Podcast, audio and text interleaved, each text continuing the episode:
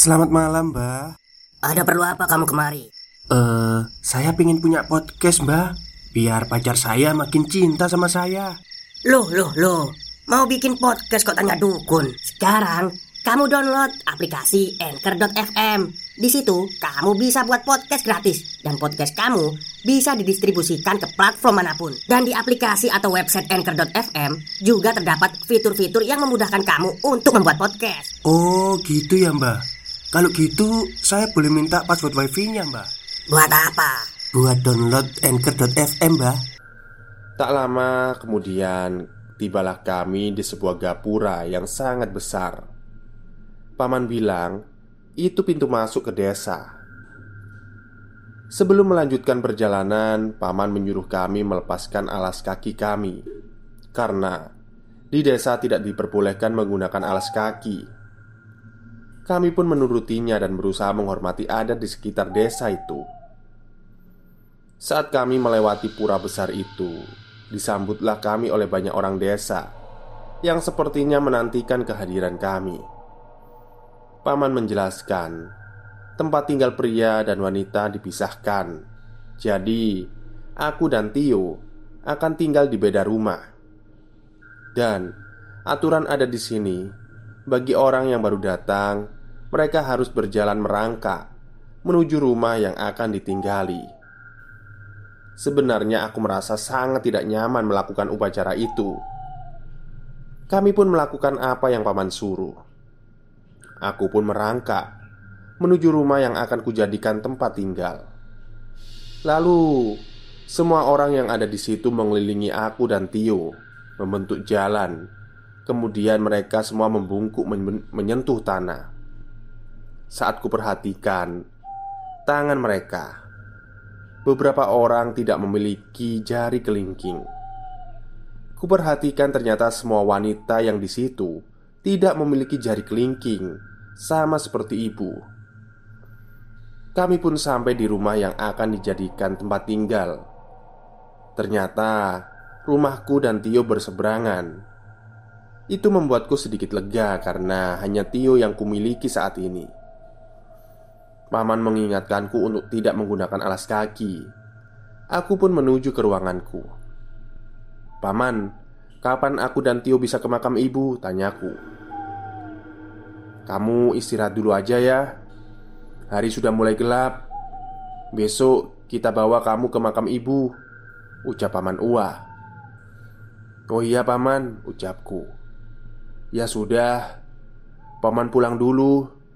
Kalau kamu butuh bantuan apa-apa, panggil aja paman. Rumah paman di seberang rumah ini.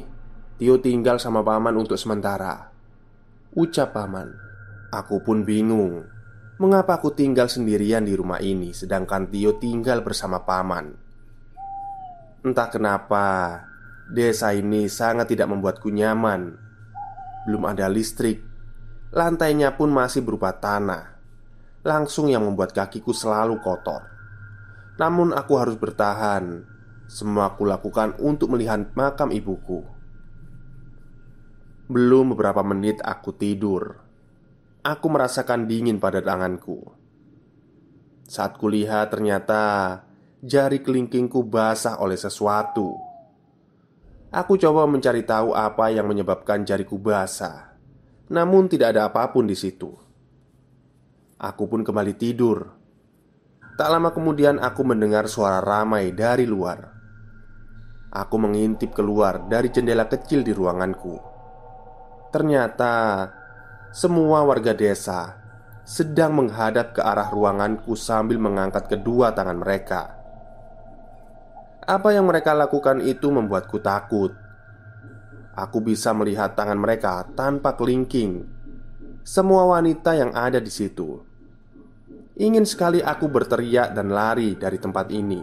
Namun, aku mencoba untuk tenang. Kupikir itu cuma upacara adat di desa ini. Aku hanya perlu kembali tidur. Kulanjutkan tidurku dan mencoba berpikir positif. Pagi pun tiba. Aku tidak ingin mengingat apa pun yang terjadi tadi malam. Saat kulihat keluar melalui jendela, ternyata semua warga desa masih berdiri di depan rumahku. Apa yang sebenarnya mereka lakukan? Mungkinkah semua warga desa melakukan itu sepanjang malam? Dan tak lama kemudian terdengar ketokan pintu. Saat kubuka, ternyata paman Kosim yang datang. "Kamu siap-siap ya, kita ke makam ibu kamu," ucap paman. "Oh iya, paman, aku siap-siap dulu," ucapku. Lalu setelah itu, paman datang dengan Tio. Kami pun pergi ke makam ibu. Perjalanannya lumayan jauh karena kami harus menyeberang sungai. Beruntungnya, arus sungai tidak terlalu besar, dan sampailah kami di sebuah tempat yang penuh dengan tumpukan batu. Ini makam ibu kalian, ucap paman. Aku pun menangis melihat kuburan ibu. Begitupun Tio. Kami tidak menyangka akan melihat ibu sudah tidak ada. Paman Kosim terus menenangkan kami agar kami kuat dan sabar. Lalu Paman Kosim berkata, "Tio, Tara, ada yang mau paman kasih tahu ke kalian Ucap Paman Kosim Iya Paman, ada apa? Ucapku Paman Kosim dan Uwa sudah janji sama ibu kalian. Kalau om gak akan biarin kenapa-kenapa Ucap Paman Kosim. Iya Paman, makasih banyak Ucap kami. Ya, tapi kalian harus janji Gak akan ninggalin desa sendirian. Kalau kalian mau pergi, bilang ke paman ya Ucap paman Kosim. Iya paman, makasih. Paman, Tara boleh nanya sesuatu? Ucapku Iya Tara, kamu mau tanya apa? Semalam Tara lihat keluar desa Keluar jendela Kenapa warga desa berdiri sambil mengangkat tangan mereka Dan Kenapa semua wanita di desa ini gak punya jari kelingking? Tanyaku Oh, kamu ngelihat yang dilakukan warga desa tadi malam Itu bagian dari upacara adat untuk menyambut orang baru yang datang ke kampung kami. Kalau masalah jari itu tradisi adat di mana wanita nggak boleh memiliki jari kelingking Ucap paman. Terus kenapa wanita di sini nggak boleh punya jari kelingking? Tanya Tio. Karena Menurut kepercayaan di desa ini Jari kelingking itu mengundang bawa kowong Yang akan datang ke desa Ucap paman Bawa kowong itu apa paman? Ucapku. Ah sudahlah kalian gak perlu tahu. Ayo kita kembali ke desa sekarang. Aku merasa sedikit takut karena aku pikir mungkin hanya aku yang wanita di desa itu Yang memiliki jari kelingking. Aku benar-benar ingin secepatnya meninggalkan desa ini. Lalu Tio berbisik kepadaku, "Kak Tara, Tio ngerasa aneh deh di sini. Orang-orang juga pada aneh," ucap Tio. Aku pun kembali berbisik pada Tio. "Kamu tenang aja, kakak juga gak mau lama-lama di sini," ucapku. "Jangan harap kalian bisa keluar dari sini," ucap Paman Kosim. Aku dan Tio kaget Aku kira paman hanya bercanda Namun dia tak menengokkan kepalanya kepada kami dan terus berjalan Kami terus berjalan dan tibalah kami di desa.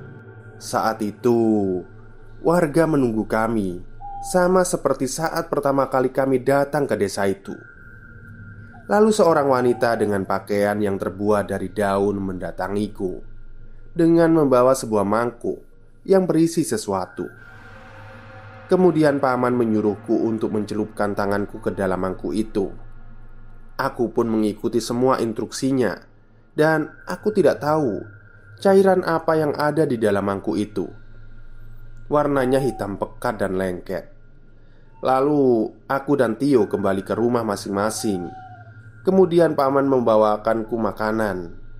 Aku mulai merasa tidak nyaman di desa ini. Semuanya aneh membuatku tidak bisa menikmati sedetik pun waktu yang kupunya. Aku akan pergi secepatnya dari desa ini. Kemudian aku memutuskan untuk pergi ke rumah paman Kosim. Saat aku membuka pintu dan mulai berjalan ke rumah, tiba-tiba adikku Tio keluar dari rumah dan mengajakku untuk membicarakan sesuatu. "Ada apa, Tio?" tanyaku. "Kak, tadi aku dengar paman Kosim dan paman Ua cekcok," ucap Tio. "Mereka cekcok masalah apa?" tanyaku. Paman Kosim bilang kalau kakak harus dikorbanin. Tio nggak ngerti maksudnya. Tapi Paman Ua nggak setuju karena Paman Ua sudah janji sama ibu buat ngejaga kita Ucap adikku. Astaga kamu tenang aja. Besok kita pergi dari sini. Coba buat tenang. Kakak tahu ada yang nggak beres di desa ini. Tio takut kak. Tio pengen pulang secepatnya Ucap Tio. Iya Tio kita bakal pergi dari sini. Sekarang Kamu masuk. Jangan mencurigakan. Bersikap seperti biasa aja Ucapku. Lalu Tio pun masuk ke dalam begitu saja. Sesampainya aku di dalam Aku menangis. Dan kebingungan apa yang harus aku lakukan. Hari mulai gelap dan aku harus bersabar sampai besok. Aku akan meninggalkan tempat ini secepat mungkin Aku pun tidur di kasurku sambil memikirkan apa yang Tio katakan Aku benar-benar takut. Lalu aku merasakan dingin di tanganku saat kulihat ada sesosok wajah berbentuk babi dengan rambut yang panjang sedang menjilati jari kelingkingku. Aku pun berteriak dan berlari ketakutan. Saat di luar warga desa sudah melakukan hal yang sama seperti tadi malam. Mereka berdiri sambil mengangkat tangannya Aku terus meminta bantuan, namun mereka tidak menghiraukanku. Aku pun berteriak memanggil adikku dan paman. Tidak ada yang peduli. Tak lama paman Kosim datang dan menenangkanku. "Paman, tolong. Ada apa ini sebenarnya? Kenapa warga desa selalu ngelakuin kayak gini? Aku takut di kamarku ada setan, paman." Ucapku sambil menangis. "Kamu tenang, ikut paman sekarang," ucap paman. Lalu aku pun berjalan bersama paman. Semua warga desa terlihat sangat aneh. "Paman, kita mau ke mana? Tio di mana?" tanyaku. "Kita ke altar," ucap paman. "Altar? Altar apa, paman?" "Sudah, kamu diam aja. Jari kelingking kamu harus dikorbankan," ucap paman. "Hah? Enggak, enggak. Tara enggak mau lepasin, lepasin." Ucapku meminta bantuan Lalu aku pun mulai meronta-ronta Mencoba melarikan diri Namun paman terus menyeretku ke altar Tuhan Apa yang harus kulakukan? Tak lama kemudian seseorang memukul paman Kosim dan menarik tanganku. Ternyata itu adalah paman Ua Yang berusaha menyelamatkanku. Kamu ikut paman Ucap paman Ua. Kami pun terus berlari menuju rumah Dan saat kulihat ke belakang warga sedang mengajar kami Dengan amarah yang sangat marah. Kami pun masuk ke dalam rumah dan ternyata Tio ada di situ Aku memeluk Tio dengan rasa takut. Paman Ua tolong kami. Kami gak mau mati Ucap pemohon. Kalian tenang Paman akan bawa kalian keluar Ucap paman. Lalu warga mulai menggedor-gedor pintu rumah. Paman menyuruh kami untuk tenang dan menanyakan sesuatu kepadaku. Tara, apa kamu sudah ketemu sama bawa kowong? Tanya paman. Tara nggak tahu pawan. Bawa kowong itu apa? Tanyaku Dia makhluk yang akan memakan kelingking kamu nanti Ucap paman Oh, sosok yang kayak babi tadi di kamarku Ucapku Kamu pergi temui makhluk itu Saat makhluk itu muncul kamu sembunyikan jari kelingking kamu di dalam mulut kamu. Dia akan mendekat padamu untuk mencari kelingking kamu. Jangan pernah keluarkan kelingking kamu sebelum makhluk itu pergi. Ucap paman. Tapi paman Tara takut. Hanya itu cara untuk membebaskan kalian dari sini. Lakukan Tara, atau nyawa kalian akan terancam. Ucap paman. Aku pun pergi ke kamar itu dan berusaha melakukan apa yang paman suruh. Lalu Tio membantu paman menahan pintu. Saat di kamar. Tiba-tiba pintu kamar tertutup sendiri. Aku pun mulai memasukkan kedua jari kelingkingku ke dalam mulut. Dan tak lama terdengar suara seperti babi. Makhluk itu muncul dari bawah kasurku. Wajahnya sangat menyeramkan. Dia mendekat kepadaku. Aku menutup mataku. Aku dapat merasakan makhluk itu mencari-cari jali kelingkingku. Aku benar-benar ketakutan. Aku tahu makhluk itu berada dekat sekali denganku, tapi aku tidak berani membuka mata.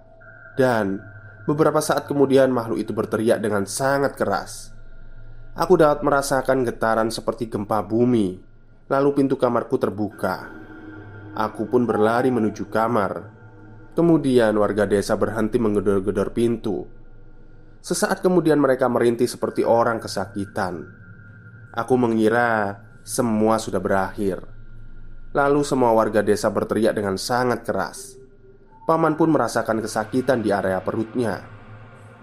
Paman, aku pun membuka pintu itu, dan saat kulihat di luar, semua warga desa sedang berguling-guling di tanah, seperti merasakan sakit yang sangat luar biasa. Paman juga tak lama tersungkur. Kami berusaha membantu paman untuk berdiri. "Udah, Kalian cepat pergi dari desa ini. Lari secepat mungkin Ucap Paman Ua Tapi Paman gimana? Ucapku. Paman akan mati bersama semua orang di sini Karena bawa uang. Akan membawa kami semua ke alamnya Ucap Paman. Sekarang cepat pergi Nggak ada waktu lagi Ucap Paman. Kami pun berlari melewati para warga desa yang sedang tersungkur di tanah. Dan Tak lama hujan turun saat kami berlari, dan ternyata ini bukan hujan biasa. Ini hujan darah. Kami pun kaget, namun kami terus berlari, dan tak lama kemudian muncul sesuatu berbarengan dengan hujan itu. Saat mengenaiku, ternyata itu adalah jari kelingking manusia. Aku pun terjatuh karena ketakutan. Namun Tio mencoba menolongku dan membantuku untuk bangkit kembali. Saat kami melihat ke atas Ternyata Bawa Kuonglah Yang memuntahkan darah dan jari dari dalam mulutnya Sehingga menimbulkan efek seperti hujan darah dan jari. Kami terus berlari dan berlari Dan sampailah kami di, di pura Tempat kami datang. Dan pada akhirnya kami pun melewati pura itu kami terus berlari melewati hutan yang gelap. Kami tidak tahu harus pergi ke arah mana karena yang kami tahu hanyalah hutan dan gelap. Aku dan Tio berpelukan. Kak Tara, kita harus gimana? Tio takut banget, ucap Tio sambil menangis. Kita harus keluar dari hutan ini. Kita lari terus saja, yo. Kita pasti bisa keluar dari hutan ini, ucapku. Lalu sayup terdengar suara wanita memanggil kami. Kami mencari sumber suara itu, dan tak lama kemudian muncul cahaya dari kejauhan. Aku melihat ada sosok wanita yang ternyata itu adalah ibu. Dia menuntunku keluar dari hutan itu. "Ibu, kak, itu ibu," ucap Tio. Kami pun berlari mengejar cahaya itu. Saat dengan cahaya dekat dengan cahaya itu, kami tiba di suatu perkemahan. Aku berteriak meminta tolong. Orang-orang di perkemahan itu mendekat dan mencoba menolong kami. Aku memeluk Tio dan kami pun dibawa ke desa terdekat. Saat kami tiba di desa itu, ternyata desa itu adalah desa tempat kami mencari ibu. Kemudian, Pak RT datang kepada kami dan bertanya, "Apa yang terjadi?" Aku berusaha menceritakan semuanya. Pak RT sedikit bingung karena lokasi yang aku ceritakan tidak mungkin ada desa di sana. Aku terus mencoba meyakinkan Pak RT, begitu juga dengan Tio. Lalu seseorang datang membawa kabar bahwa ada longsor di wilayah gunung. Dan itu terjadi selang beberapa jam saat kami keluar dari desa itu. Pak RT menyuruh kami istirahat Aku dan Tio pun tertidur dan saat kami bangun Pak RT dan istrinya menghampiri kami. Ada langsor mani di gunung, ucap Pak RT. Terus, Pak, ucapku. Pak RT bilang, saat evakuasi ternyata banyak mayat di sana. Kebanyakan mayat wanita yang ditemukan tidak memiliki kelingking. Akhirnya, Pak RT dan istrinya pun percaya dengan apa yang aku ceritakan. Setelah kondisi Tio dan aku mulai membaik, kami pun berpamitan kepada Pak RT untuk pulang. "Kak, aku seneng ya bisa lihat ibu walau sebentar," ucap Tio. "Iya, Tio. Ibu nyelamatin kita dari hutan itu. Paman juga berjuang untuk kita sampai akhirnya kita selamat," ucapku. Walaupun banyak hal buruk yang terjadi, kami harus mulai terbiasa hidup tanpa ibu. Aku yakin ibu selalu melihat kami dari tempat yang jauh, dan semoga aku bisa menjaga Tio sampai waktunya dia bisa hidup mandiri. Tamat. Stop, stop. Kita break sebentar. Jadi gimana? Kalian pengen punya podcast seperti saya? Jangan pakai dukun, pakai anchor, download sekarang juga. Gratis. Assalamualaikum warahmatullahi wabarakatuh. Halo semuanya Jumpa lagi dengan saya Chow Sing Sing Kurator dari podcast Horror Night Story. Halo apa kabar semuanya? Semoga kalian semua sehat-sehat ya Dan seperti biasanya pada malam hari ini saya kembali dan akan menghadirkan sebuah kisah mistis untuk kalian semua. Kisah mistis kali ini saya datangkan dari tweet Twitternya Mas Bagir Alaidrus yang menceritakan tentang sebuah desa yang memiliki adat yang sangat menyeramkan. Seperti apa kisahnya? Mari kita simak.